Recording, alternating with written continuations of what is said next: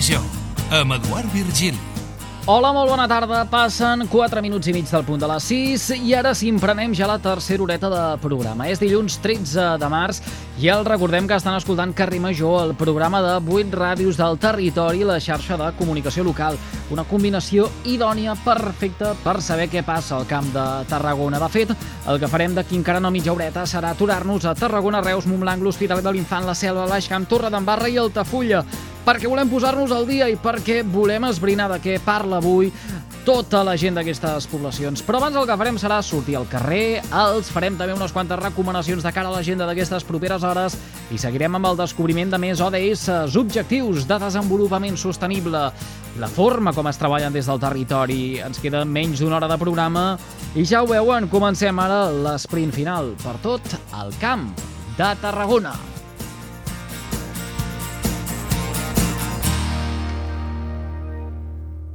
Carrer Major, el programa de de les emissores del Camp de Tarragona.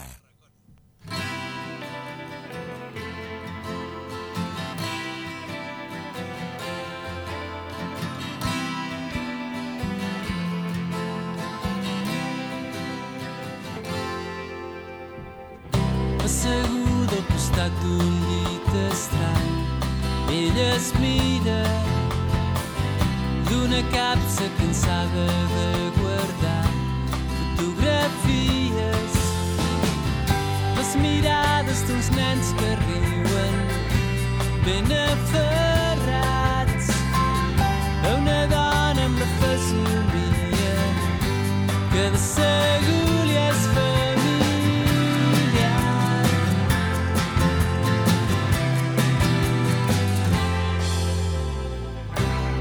Vagarem cap als estudis de la nova ràdio de Reus. Allí tenim la nostra companya Angie Aramayo. Angie, bona tarda, bon dilluns. Molt bona tarda, Eduard, i avui eh, ens toca parlar de moltes coses, espera, no? Espera, que tu t'enveles, tu t'enveles. Jo només t'he dit bona tarda. Home. Eh, tran- Tranquilitat i bons aliments, que es diu a casa meva. Uh, bona tarda, Angie. Molt bona tarda, Eduard. Què tal? Com estàs? Doncs escolta, jo, quan estic espectacular i quan, quan m'aturo als estudis de la nova ràdio, el que fem és uh, mirar el futur, l'any 2030. Per què? Doncs perquè agafem uh, l'agenda de les Nacions Unides. Una agenda que cada tarda ens permet conèixer iniciatives que uh, promouen doncs, qüestions de caire sostenible.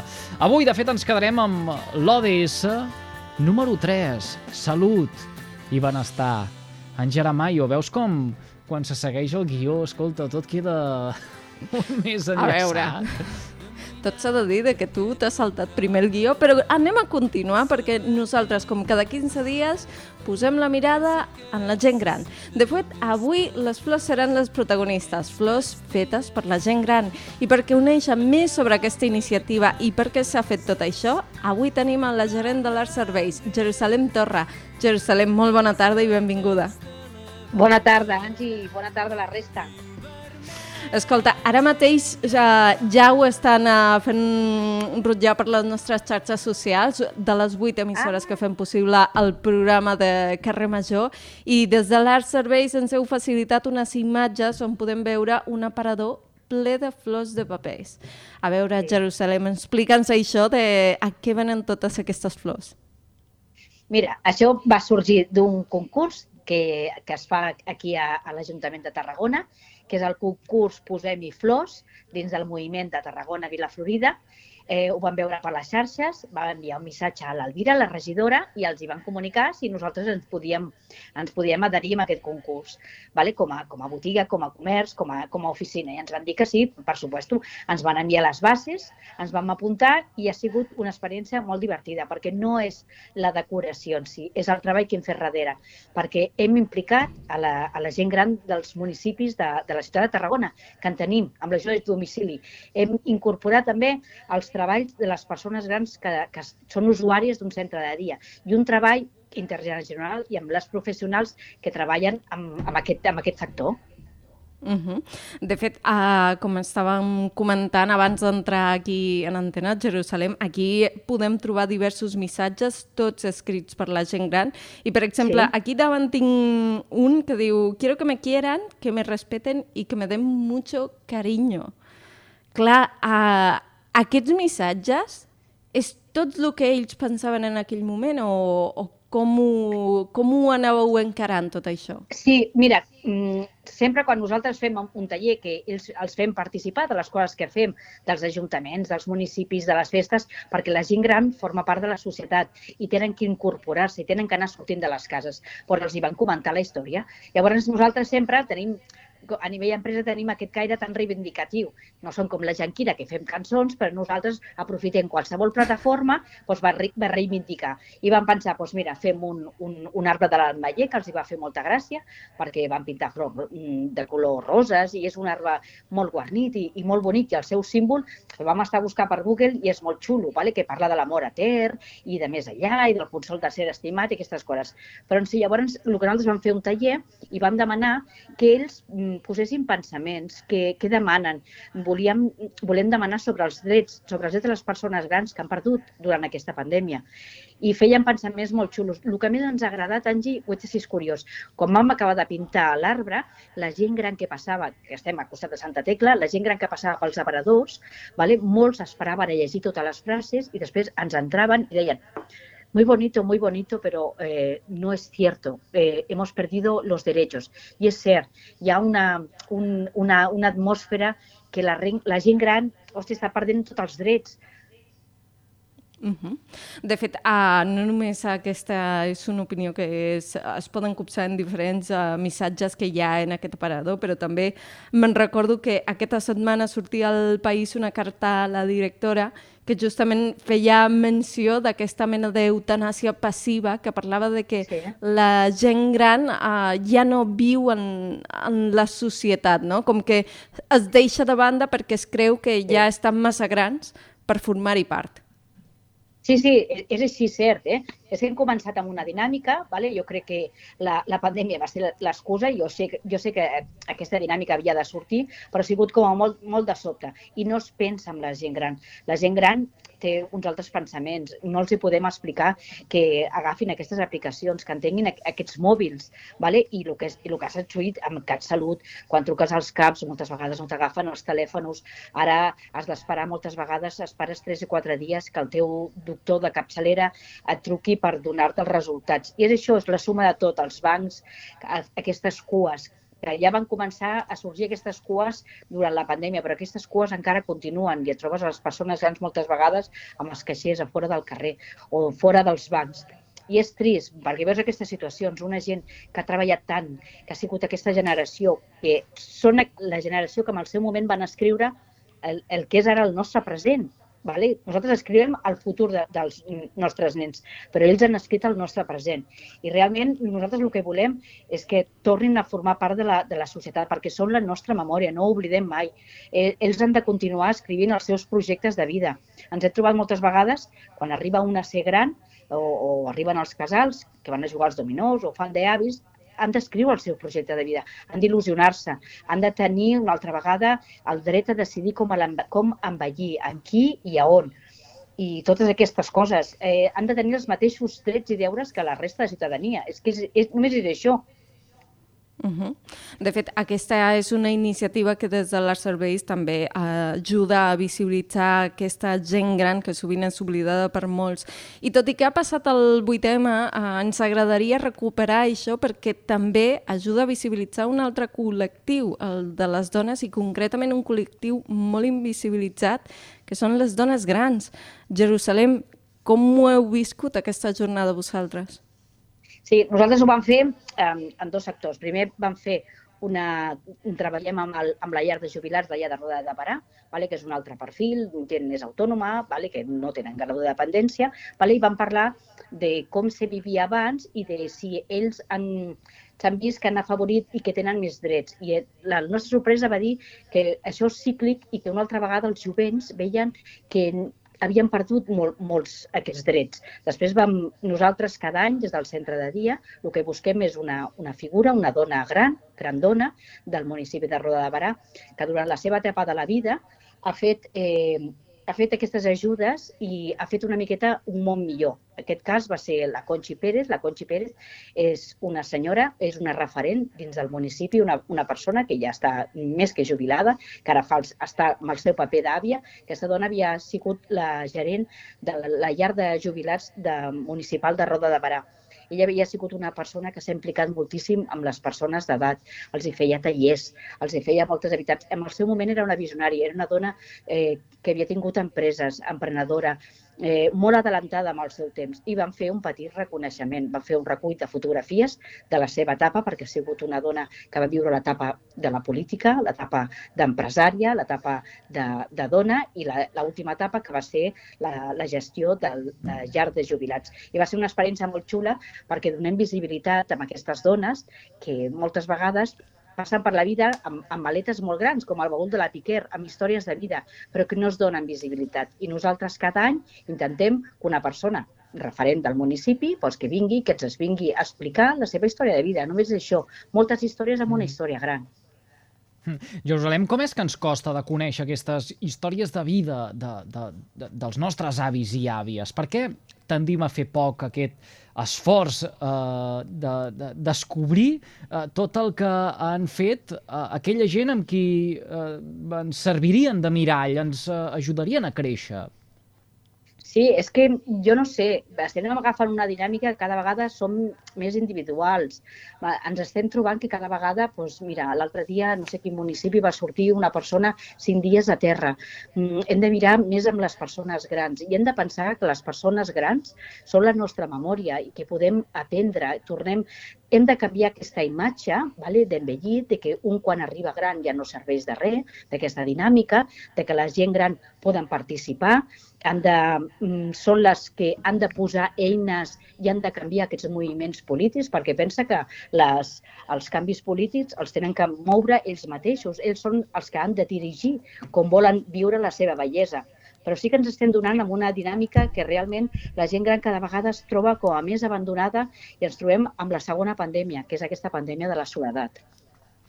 Ai, la pandèmia. Mira, ara que fa tot just eh, 3 anys que l'Organització sí, Mundial sí. de la Salut va, va declarar-la. En, en parlarem, mira, d'aquí 15 dies, eh, ja sí? veurem, si et sembla, parlem també de la pandèmia i de com ha afectat a la, a la gent gran, de què és el que ens ha ensenyat, si és que ens ha ensenyat alguna cosa. La gent gran, eh? Sí. Mm, també eh, els que l'han patit més, aquesta crisi eh, sanitària. Sí. Eh, Jerusalem Torra, gràcies un dia més per compartir amb nosaltres aquesta estoneta en directe al carrer Major.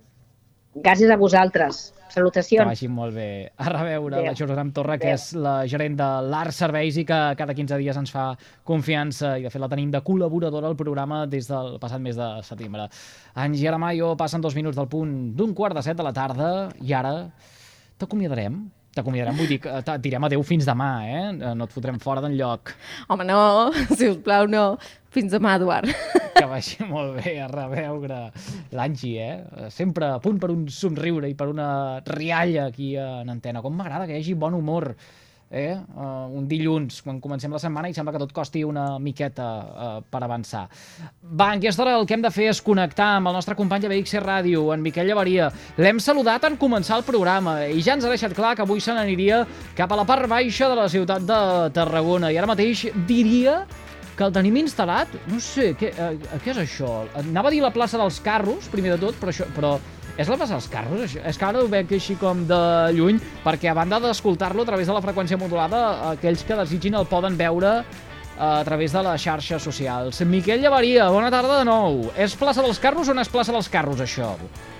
Has encertat, Eduard. És la plaça dels Carros, eh, una zona aquí molt típica, molt freqüentada d'aquesta part baixa de Tarragona, que ara mateix doncs, viu un dilluns de tarda normal i corrent, tranquil, amb alguns nens jugant a la pilota, gent passant, passant aquestes eh, últimes hores de sol d'aquest dilluns amb el qual hem començat la setmana i que comencem la setmana per parlar d'una mica de, dels problemes que algunes vegades ja hem comentat en el programa aquí al barri del Port i per parlar de com està anant, de com van les conversacions amb l'Ajuntament, d'aquest pla integral de la part baixa, del qual ara s'està parlant bastant i que hi ha hagut eh, reunions passejades fins i tot, eh, doncs tinc amb mi eh, dos veïns del Radi del Port, tots dos eh, membres de l'associació La Xaixa de la Marina. Per començar, Anna Vidal, moltes gràcies per acompanyar-nos avui. Eh, gràcies per venir. Per començar, eh, hi ha hagut aquestes caminades, no? Eh, diguem, unes reunions amb l'Ajuntament mm, entre reunió i a la vegada doncs, anar donant un tom per la part baixa per potser veure els punts on s'han de fer certs canvis doncs, d'una manera directa, no? Com han anat? Eh, bé, es van fer uns tallers, eh, tres tallers en concret. Un era sobre el parc social, eh, un altre va ser sobre la part d'espai públic i urbanisme, i la tercera va ser sobre comerç i el tema activitats i espais, no, apartaments turístics, bé, tot el tema de comerç. A partir d'aquí es van treballar diferents eh, parts, zones, es van parlar coses, eren com uns tallers de dues hores on participaven una mica diferents entitats i, i diferents entitats. Potser eren una mica curts, perquè al final en dues hores no n'hi havia prou, no? però bueno, bé, va estar bé. I llavors eh, hi ha hagut dos passejades, una a la meitat eh, des de Pudaca cap a mà dreta del barri, esquerra, i després l'altra des de la Pudaca cap a l'altra banda. Val? Eh, do- dues hores també, la tarda, a les cinc i mitja, i bueno, uns 15 veïns, tampoc no molts, no, no molts.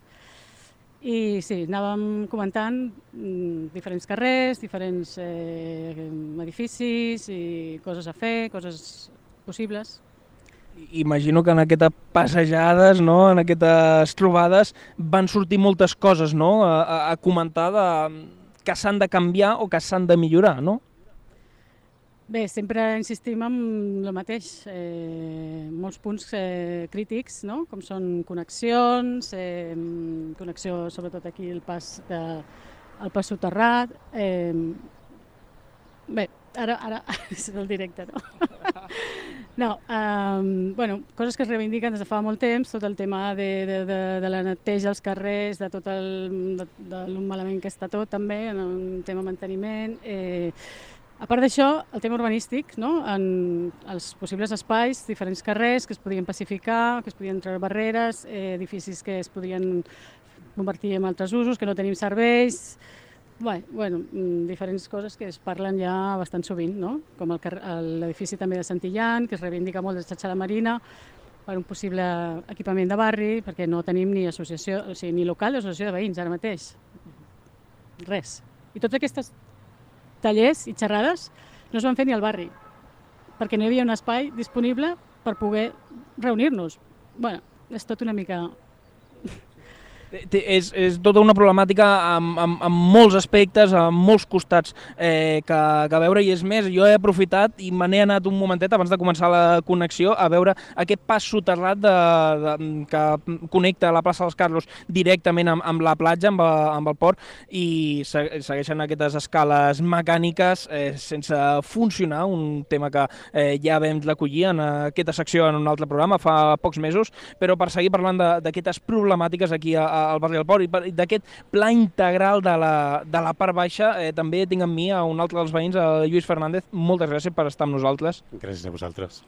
Eh, ara ho parlàvem amb la Anna Vidal, que eh, estem parlant de molts temes i molt diferents. Estem parlant de temes eh, de connexions, de mobilitat, eh, fins i tot de comerç, eh, de- d'estat de, una mica de, de la zona. Eh, clar, ja està ben unes respostes real en tot això o està quedant per ara en sembla que accions molt sense portar-ho a la pràctica? No, bueno, era la primera cosa és eh, agrair, per, per una banda, que a veure, el fet d'haver pres la iniciativa d'iniciar aquest pla, de, aquest pla de, de, de la part baixa, pues, evidentment és un gran document. Suposo que es pot fer servir per aconseguir subvencions, per tenir una planificació estratègica de veure quins han de ser els passos que s'han d'anar prenent, i per tant la primera cosa és agrair aquesta acció perquè evidentment és excel·lent. Però a partir d'aquí, una vegada tenim això i sobretot una vegada estigui aprovat, el que s'ha d'aconseguir és pressupostos. Pressupostos i accions i començar a realment executar totes aquelles coses que es prengui la decisió que s'han de, que de, que de fer. Què pensem nosaltres que s'ha de fer o s'ha de prioritzar? Pues, bueno, en primer lloc, eh, el tema de, de, de les places. Tant aquesta plaça dels Carros, que és una plaça estupenda, enorme, amb molta dimensió, es pot dignificar, es pot reestructurar tota ella i reconvertir-la en, en un lloc que tingui una centralitat i que realment pues, que recuperi aquesta, aquesta cosa emblemàtica de, de, de la porta d'accés cap a la mar, que és una cosa que considerem que, que és important. Exacte, exacte. Ja sabem el que és, eh? s'ha parlat moltíssim dels problemes que hi ha aquest pas per sota de la via tren, però evidentment no és única i exclusivament arreglar aquest pas, és reconvertir tota la plaça i donar-li un protagonisme que, que hores d'ara no, el té i es pot recuperar. La segona cosa seria la plaça dels infants. La plaça dels infants té un punt que, que és realment molt important perquè si tu t'agafes el carrer Vapós, agafes les escales, continues pel carrer Sevilla, té, és un connector a la part baixa, se connecta en la part central a través d'aquesta via. Per tant, pensem que, que el que he dit eh, té una importància molt, molt significativa perquè es pot pacificar tota ella i convertir realment, a veure, és que són persones que no només els que vivim aquí, també el Serrallo, les persones que s'agafen al carret per anar al mercat van per aquestes vies, s'agafen les escales, que és el camí més fàcil, i per tant reconeixem el carrer Sevilla, quan estàs al carrer Sevilla és un carrer que té molt de comerç. Si el pacifiques, si elimines vehicles i converteixes aquella zona en una zona que verdaderament, veritablement sigui qualitativa a nivell d'espai, fas que la vida quotidiana, que és aquelles, aquelles direccions habituals que aprenen les persones que vivim aquí, tant les que baixen com les que pugem, doncs bueno, reconèixer, reconèixer aquestes, aquest, aquest potencial. Una altra via que també és important, Rebolledo. Rebolledo és dels pocs carrers que té, que té amplitud aquí dintre de la, del barri. Eh, ara mateix, abans de, de que vinguéssiu vosaltres, estàvem parlant, estàvem parlant en un senyor que, que ha tingut establiments aquí, diversos comerços, i ens deia, és que s'ha parlat tota la vida de ficar terrasses. Pues, per favor, pacifiquem Rebolledo, que, que, que la gent tingui l'oportunitat de, aquelles persones que tenen la, la, la, la, la, la inèrcia d'obrir negocis, que ja és prou important que tinguin ganes d'obrir-los, facilitem-los, donem-los la possibilitat de que tinguem terrasses. I, bueno, i després, ja per acabar, el més important, carrer Reial i carrer Apodaca. Són eixos capdals d'aquest barri. Per tant, no tinguem aquestes voreres que no arriben ni als 80 centímetres, totes plenes d'obstacles. Arreglem això. Accessibilitat universal per a tothom i condicions i dignificació. Bàsicament, dignificació, que és el més important, i inversió. Uh, senyor Fernández, ara que... Uh, ara, ara, uh, ara sí que em sentirà que el nostre company, el Miquel Llevaria, li ha passat els auriculars. Senyor Fernández, uh, li preguntava si uh, ara que tot just queden dos mesos per les eleccions municipals, tenen la sensació uh, que els grups municipals, els partits polítics, poden fer alguna cosa o hi ha cert interès en uh, resoldre aquests greuges que uh, vostès estan denunciant ara mateix? Home, jo ja ho he dit, eh? només pel fet que estiguem parlant d'aquest ple de la part baixa ja tenim una acció importantíssim i d'agrair eh, en tot moment.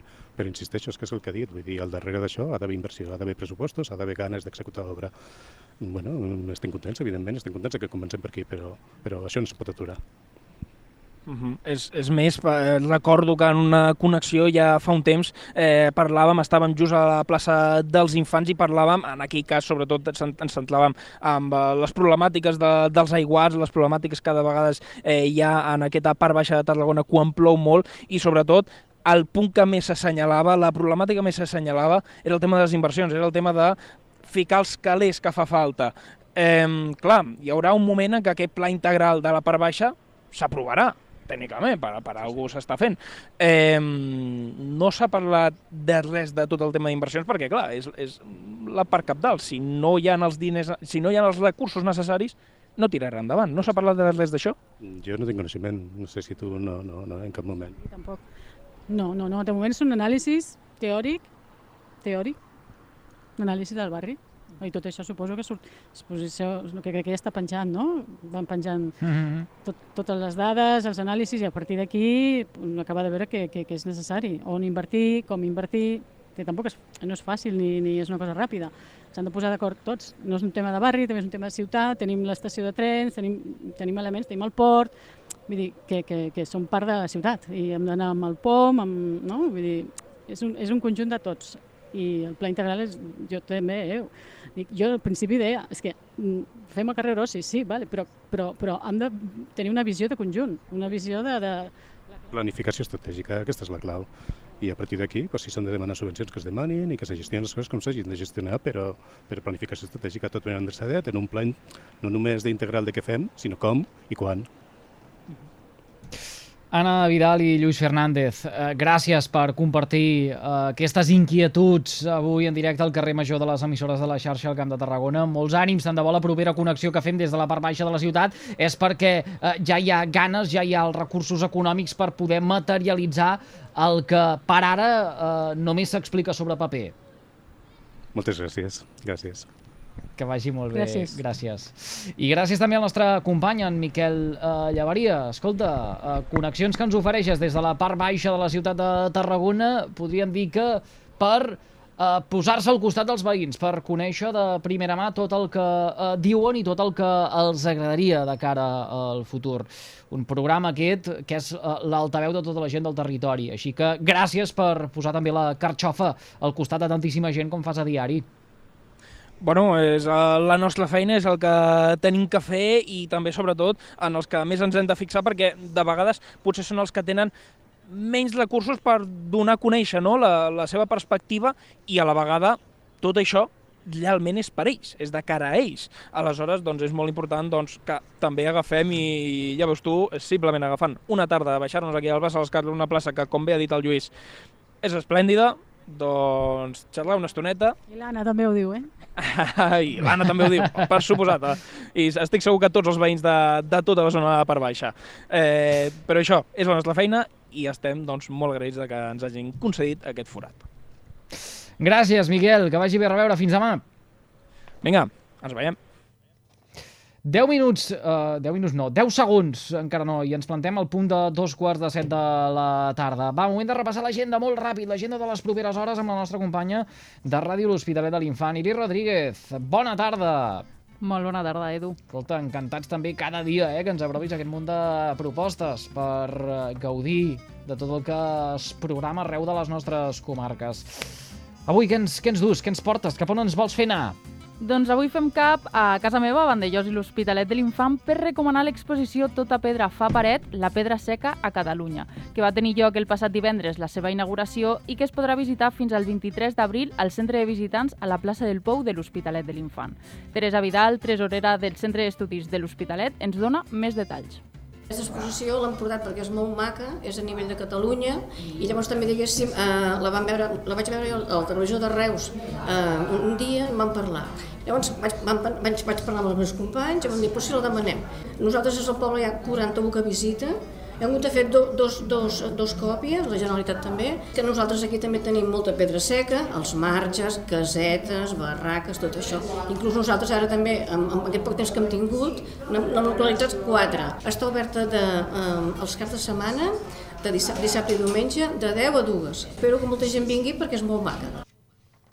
Doncs vinga, va, recomanació avui aquesta, aquesta exposició, que és molt maca, eh, tal com ens diu la tresorera del Centre d'Estudis de l'Hospitalet de l'Infant. Iris, gràcies, que vagi molt bé. Ens retrobem demà. Igualment, fins demà. I ara deixem pas als nostres companys que ens oferiran l'informatiu que fem possible a les 8 emissores de la xarxa al Camp de Tarragona. L'informatiu de Carrer Major, un servidor que s'ha humiat també de tots vostès i els espera demà a les 4 de la tarda a la seva sintonia de proximitat. A reveure. Tot el que passa al Camp de Tarragona t'ho expliquem a Carrer Major. Bona tarda, passen res, un minutet, encara no dos, de dos quarts de set de la tarda. Encetem el tram informatiu de Carrer Major. Des d'ara fins a les set de la tarda us estarem acompanyant l'Àlvaro Rodríguez, que el tenim a la part tècnica, i l'Adri Requesens, des de Ràdio Ciutat de Tarragona, i jo mateixa, com a editora de l'informatiu, l'Anna Plaça, des d'Ona la Torre. Comencem.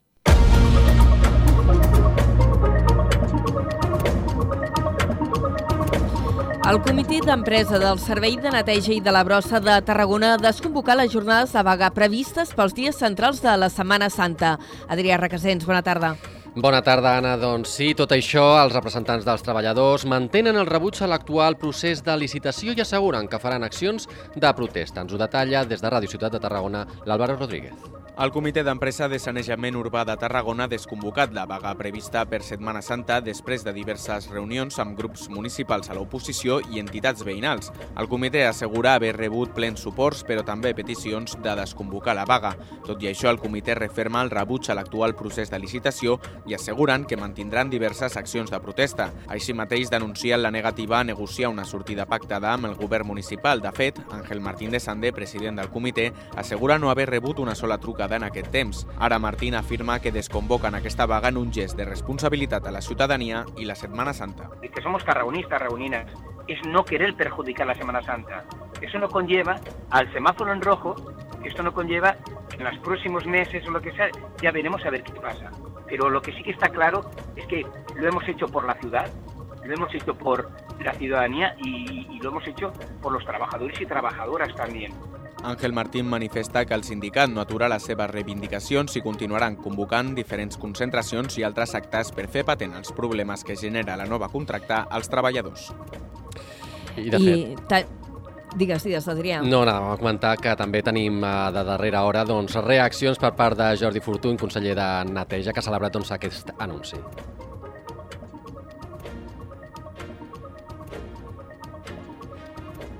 Doncs sembla que no el podem, no el podem escoltar, Anna. Doncs seguim amb més eh, notícies. Ara ens situem eh, al sud de la comarca del Baix Camp, entre Baix Camp Tarragonès, i ha començat el desmantellament del traçat ferroviari litoral eh, que anava de Vandellós a Cambrils. Són les vies que van quedar en desús tot just fa uns 3 anys quan es va estrenar la variant del corredor del Mediterrani. Adif calcula que les obres de desmantellament acabaran aquest estiu. De fet, un cop recuperat l'espai, els ajuntaments ja tenen projectes per fer-hi. En el cas de Montroig del, del Camp i Vandellós i l'Hospitalet de l'Infant ja s'ha redactat el projecte d'una via verda i es preveu licitar les obres a finals d'any. Fran Morancho és l'alcalde de Montroig. La veritat que és un dia important per nosaltres perquè ha estat una reclamació des de fa molts anys doncs, treure aquesta barrera de ferro eh, que dividia doncs, tot el municipi i sobretot el, el nucli de Miami i la veritat que estem, estem molt contents que ja veiem doncs, eh, moure aquestes vies que han estat sempre amb nosaltres, doncs, treure-les de lloc i que ben aviat doncs, tinguem doncs, aquesta via verda que, per la qual apostem ja fa anys des de, des de l'Ajuntament. Per tant, molt contents. A Cambrils, per contra, s'opta per ser el punt de partida del futur tramcamp. L'alcalde cambrilenc, Oliver Klein, ha detallat que els terrenys que quedaran alliberats serviran per habilitar les vies de la primera fase del tramvia del Camp de Tarragona. L'Estat ho deixa tot, retira les vies del tren, ho deixa tot aplanat com quan ells van guanyar la concessió en el seu moment i l'han estat explotant i després s'ha de ficar d'acord i s'està ficant d'acord amb la Generalitat perquè pugui anar la infraestructura que paga la Generalitat, que és el tramcamp. El tramcamp s'ha de començar des de zero, s'ha de començar amb unes noves vies, amb uns nous vagons, amb unes noves maquinàries.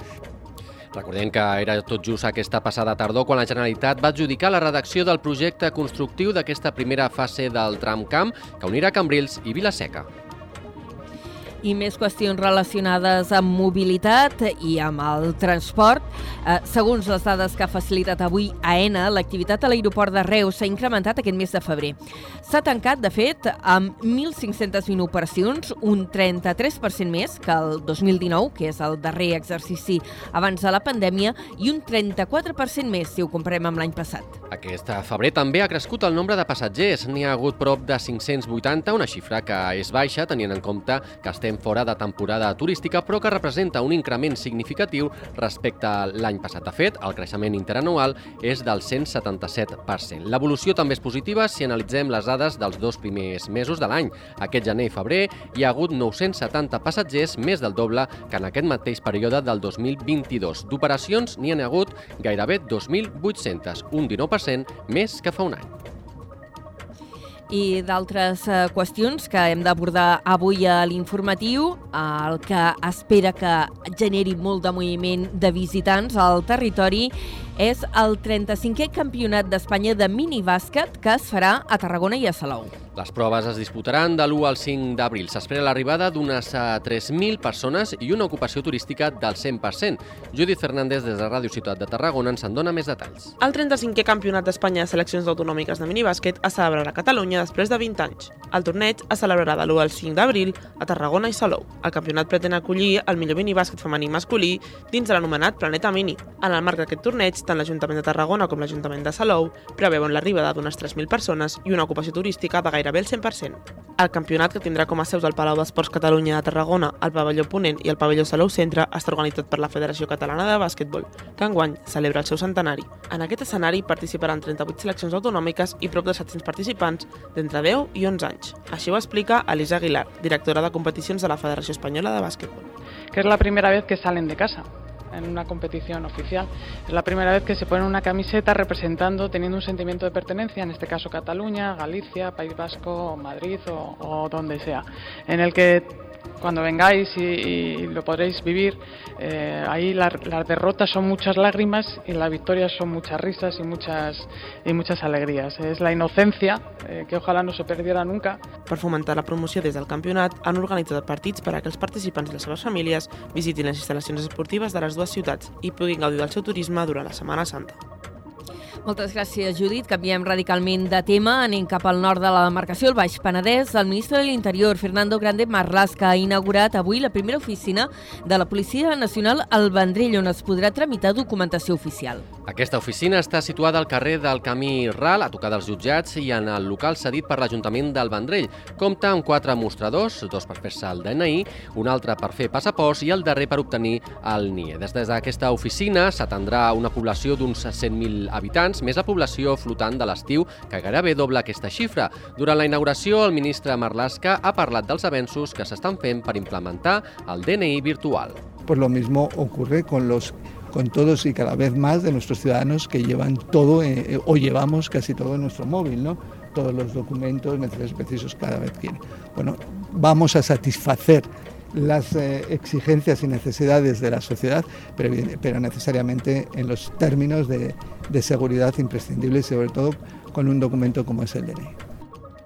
En la seva visita al territori, Marlaska també s'ha referit als casos d'agressions sexuals en què els autors tenen menys de 14 anys i, per tant, són inimputables. El ministre ha manifestat que el govern espanyol està estudiant com fer front a aquests casos que ha qualificat de molt preocupants. Hay que estudiar adecuadamente y con el debido detenimiento cómo abordar un problema de esa importancia, si desde el ámbito más eh, individualizado, desde- también desde un ámbito penal, eh, etcétera. Creo que lo que sí es evidente es que tenemos que trabajar, y ya se está haciendo, en cuál pueda ser la respuesta más adecuada de conjunto.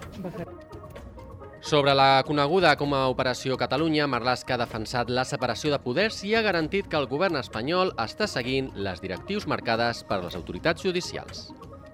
I seguim amb notícies d'aquest àmbit. Un jove cineasta d'Alcover ha ingressat a presó aquest cap de setmana per un presumpte cas d'agressió continuada a una menor de 16 anys. Els fets haurien començat quan la nena tenia 12 anys i s'haurien allargat durant dos anys. Des de Ràdio Ciutat de Valls ens en dona tots els detalls en David Prats. El jutjat de Guàrdia de Valls decretava el passat divendres 10 de març presó provisional comunicada i sense fiança per al cineasta del Cuber Martí Guarc, que actualment té 23 anys. Guarc està investigat per una presumpta agressió sexual a una menor durant dos anys, segons ha detallat el Tribunal Superior de Justícia de Catalunya. El mateix divendres, la jutgessa practicava l'exploració de la menor i prenia declaració al detingut. Finalitzada la compareixença, la magistrada acordava la privació de llibertat. La causa està oberta per un delicte continuat d'agressió sexual a una menor de 16 anys. La víctima té actualment 14 anys. Guarc va ser detingut el passat dijous i l'endemà passava a disposició judicial. Moltes gràcies, David, eh, per aquesta crònica des de Valls i també han ingressat a presó cinc persones presumptament responsables de dues plantacions de marihuana al Tarragonès. Els Mossos d'Esquadra els van arrestar la setmana passada i dissabte van passar a disposició judicial. Se'ls investiga pels delictes de pertinença a grup criminal, salut pública i defraudació del fluid elèctric. Els arrestats tenen entre 24 i 42 anys i se'ls considera responsables de dues plantacions indoor que es van localitzar en una nau industrial en desús als Pallaresos i en un xalet d'una urbanització de Tarragona.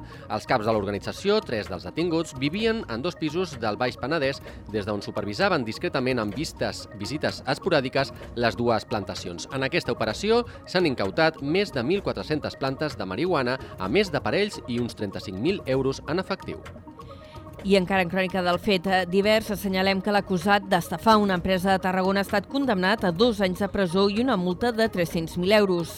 És l'acord de conformitat que han assolit avui la Fiscalia de Tarragona, les defenses i l'acusació particular. S'ha de tenir en compte que inicialment el fiscal demanava fins a 8 anys de presó i un milió d'euros de multa per un delicte continuïtat d'estafa i blanqueig de capital. L'acusat hauria aprofitat la seva posició de cap de compres a l'empresa perjudicada per simular operacions fictícies de comprar, falsejar, albarans i per autoritzar nombrosos pagaments a favor d'una societat que va adquirir l'any 2006. Els diners estafats, més de 200.000 euros, es van ingressar en comptes corrents de l'acusat que compartia llavors amb l'esposa i la filla de tots dos.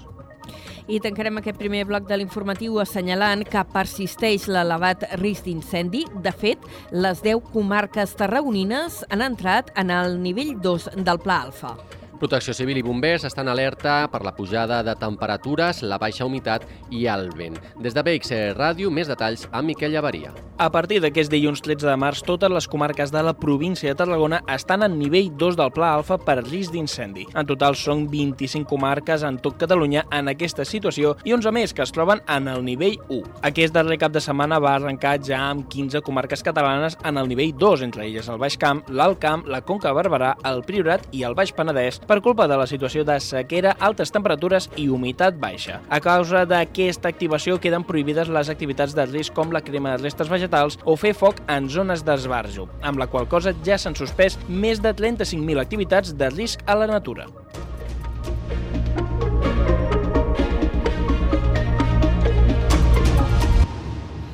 Un minut per tres quarts de set de la tarda. En crònica local, l'Ajuntament de Reus ha engegat una nova campanya de bons comercials. És la setena edició d'aquesta campanya de promoció que en aquesta ocasió s'allargarà fins al dia 18 d'abril. Es posen en circulació 71.200 bons adreçats a tothom, tant a persones empadronades a Reus com a les de fora de la ciutat. La campanya, que és l'única de moment prevista per aquest any, està impulsada pel consistori i preveu una inversió total de 400.000 euros. Els bons es poden començar a descarregar previ registre des d'aquest dilluns mateix fins al dia 27 de març o fins que s'acabin les existències. Els bons que no es gastin es tornaran a posar en circulació el 28 de març. Parlem de política, concretament del candidat de Valents a Tarragona Ciutat, que creu que el partit serà decisiu en les eleccions municipals de maig. En una entrevista al Bon Dia de Tarragona, de Ràdio Ciutat de Tarragona, Robert Hernández s'ha situat en l'espectre de centre-esquerra. Ens detalla des de Ràdio Ciutat de Tarragona l'Àlvaro Rodríguez. El president de l'ADT Torreforta, Robert Hernández, ha estat escollit com a cap de llista de la formació Valents a Tarragona. Aquest dilluns ha donat els detalls del seu pas a la política amb aquesta formació desconeguda a la ciutat al Bon Dia Tarragona. En l'àmbit ideològic, Hernández ha declarat situar-se al centre-esquerra, però ha criticat que les formacions com el PSC o Esquerra Republicana depenen massa de Madrid i Barcelona. Ara assegura portar amb Valents una candidatura estrictament municipalista molt centrada també en els barris. Són quatre noms capdals de la llista vindran de Ponent. En aquesta línia, Hernández ha remarcat la importància d'acosir els barris entre si a través del POUM de manera coherent al seu creixement. En clau estrictament electoral, València es proposa ser decisius en els comicis. Tot i ser un partit majoritàriament constitucionalista, Hernández afirma que la qüestió nacional no serà rellevant en els seus pactes entenem que és un tema constitucionalista, per suposat, però també hem de tenir en compte que en clau municipal el que prevaleu és la, la, la, la, la localitat. No, no pre... o sigui, el que no farem és tirar la casa per la finestra per una qüestió merament constitucionalista. No? Nosaltres, per suposat, som un partit constitucionalista. De fet, Hernández defensa que les banderes en política local són una gran errada i ha valorat positivament que el govern de Ricomà hagi deixat de banda l'independentisme al mandat. Moltes gràcies, eh, Álvaro, per aquesta crònica. Eh, canviem de tema, parlem ara d'educació. Montblanc acull el Fòrum d'Escoles Verdes de la Conca, l'Alt Camp i el Tarragonès. Hi participen 150 persones de 25 escoles de primària del territori. Des de Ràdio Montblanc ens ho explica la Gemma Bufies.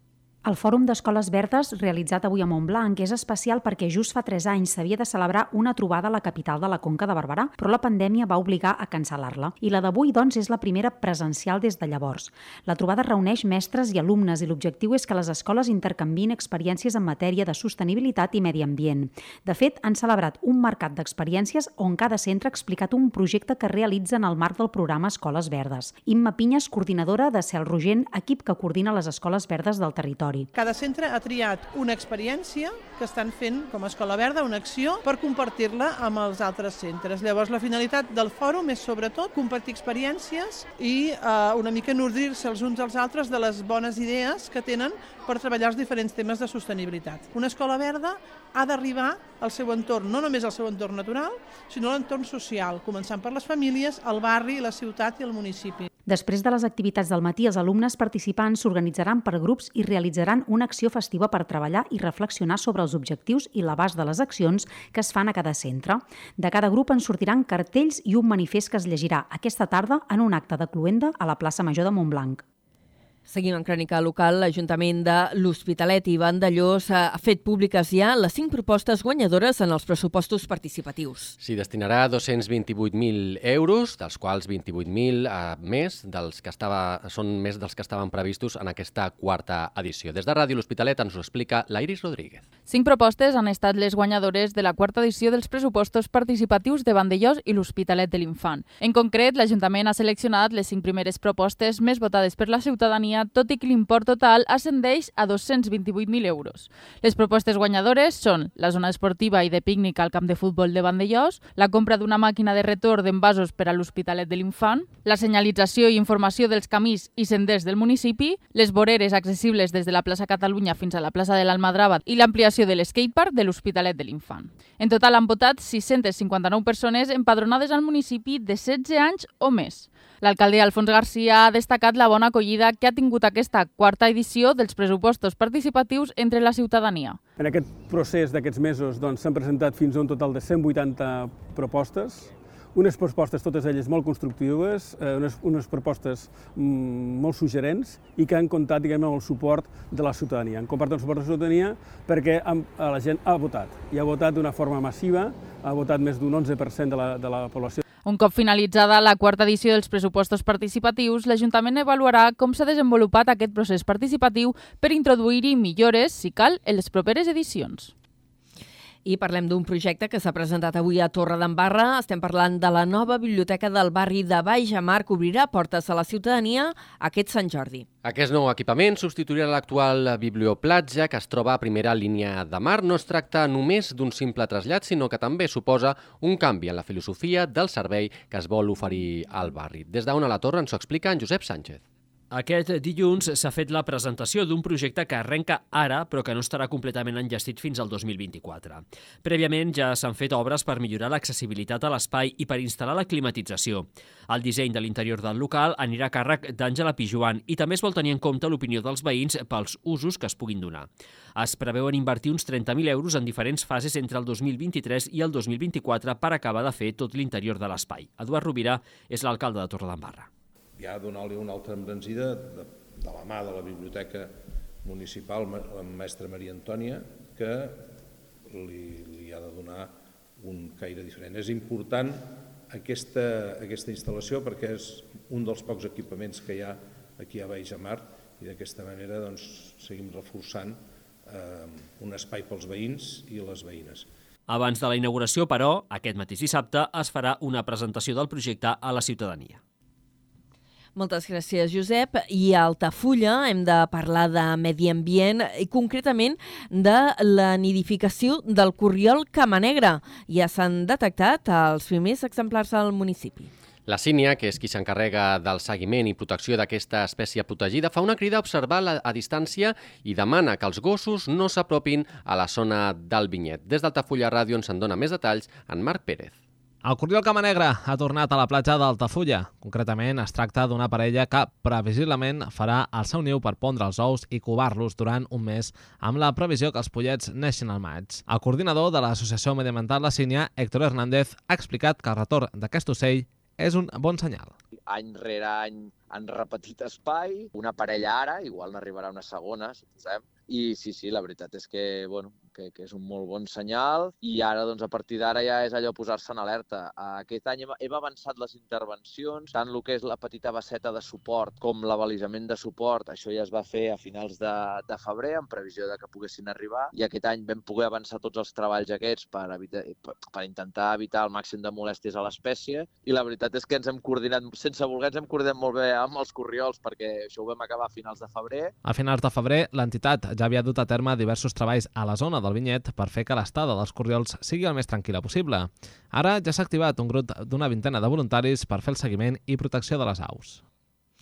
I el Parc Astronòmic de les Muntanyes de Prades continua fent passes endavant per millorar els seus equipaments. Enguany s'ha renovat el sistema de projecció de l'observatori. Des de BXC Ràdio ens ho explica en Miquel Llavaria.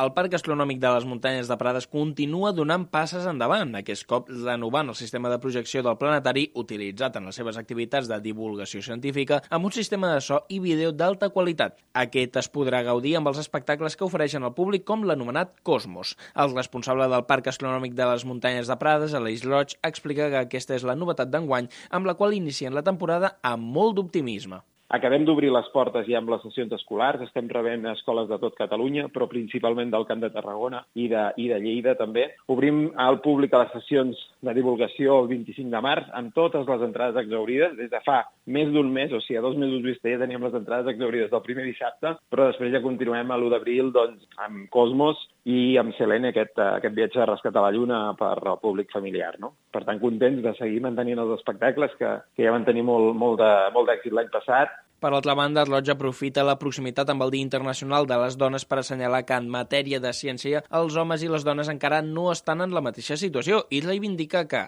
les nenes i les dones tinguin accés als llocs de responsabilitat i recerca en les mateixes condicions que els homes. Recte final de l'informatiu que dediquem a repassar els resultats esportius més destacats aquest cap de setmana. Comencem parlant del Nàstic, que ha posat fre a una bona reacció que havien tingut eh, la setmana passada, però en aquest cas concret, el darrer partit que han disputat aquest cap de setmana van acabar caient a l'estadi Johan Cruyff davant del Barça Atlètic. L'equip encaixa la primera derrota amb Dani Vidal a la banqueta. Ens ho amplia Adrià Tella des de Ràdio Ciutat de Tarragona. El Nàstic ha caigut a l'estadi Johan Cruyff davant el Barça Atlètic, condemnat per un gol en un servei de cantonada cantonada. L'equip encaixa la primera derrota amb Dani Vidal a la banqueta i frena l'impuls que havia donat la victòria en el debut al nou estadi davant el filial de la Real Societat. El partit ha arrencat amb les idees clares per part d'ambdós conjunts. El Barça volia la pilota i l'ha tingut, però li ha tocat arriscar davant la pressió alta del Nàstic en sortida. Els granes han aconseguit curtcircuitar la circulació local, però no han pogut generar perill real en les pilotes que han pogut robar. Primer temps amb ben poques ocasions, alguns xuts exteriors del Nàstic des del balcó de l'àrea i una acció aïllada molt clara que Roberto ha desaprofitat pels de Rafa Márquez. Però a l'inici del segon temps ha arribat el primer cop en contra del Nàstic de Dani Vidal. Gol de Xadi Riat rematant absolutament sol un córner al segon pal desfensa de la marca d'Eric Montes. S'ha avançat al Barça i ha aconseguit mantenir l'avantatge sense excessiu patiment. De fet, malgrat que els tarragonins ho han intentat en algun tram, tan sols han aconseguit generar una ocasió clara de gol que Nil Jiménez ha enviat fora. En el tram final, Trilles ha vist la vermella directa per una entrada molt dura i lletja a Víctor Barberà. Primera derrota de l'etapa Dani Vidal a la banqueta en la primera sortida lluny del nou estadi. El Nàstic ha competit, però l'ha condemnat una nova errada en una acció d'estratègia en contra i s'ha quedat curt ofensivament davant un Barça Atlètic poc brillant però pragmàtic. A l'espera que es disputi la resta de la jornada, els granes podrien tornar a acostar-se a les places de descens.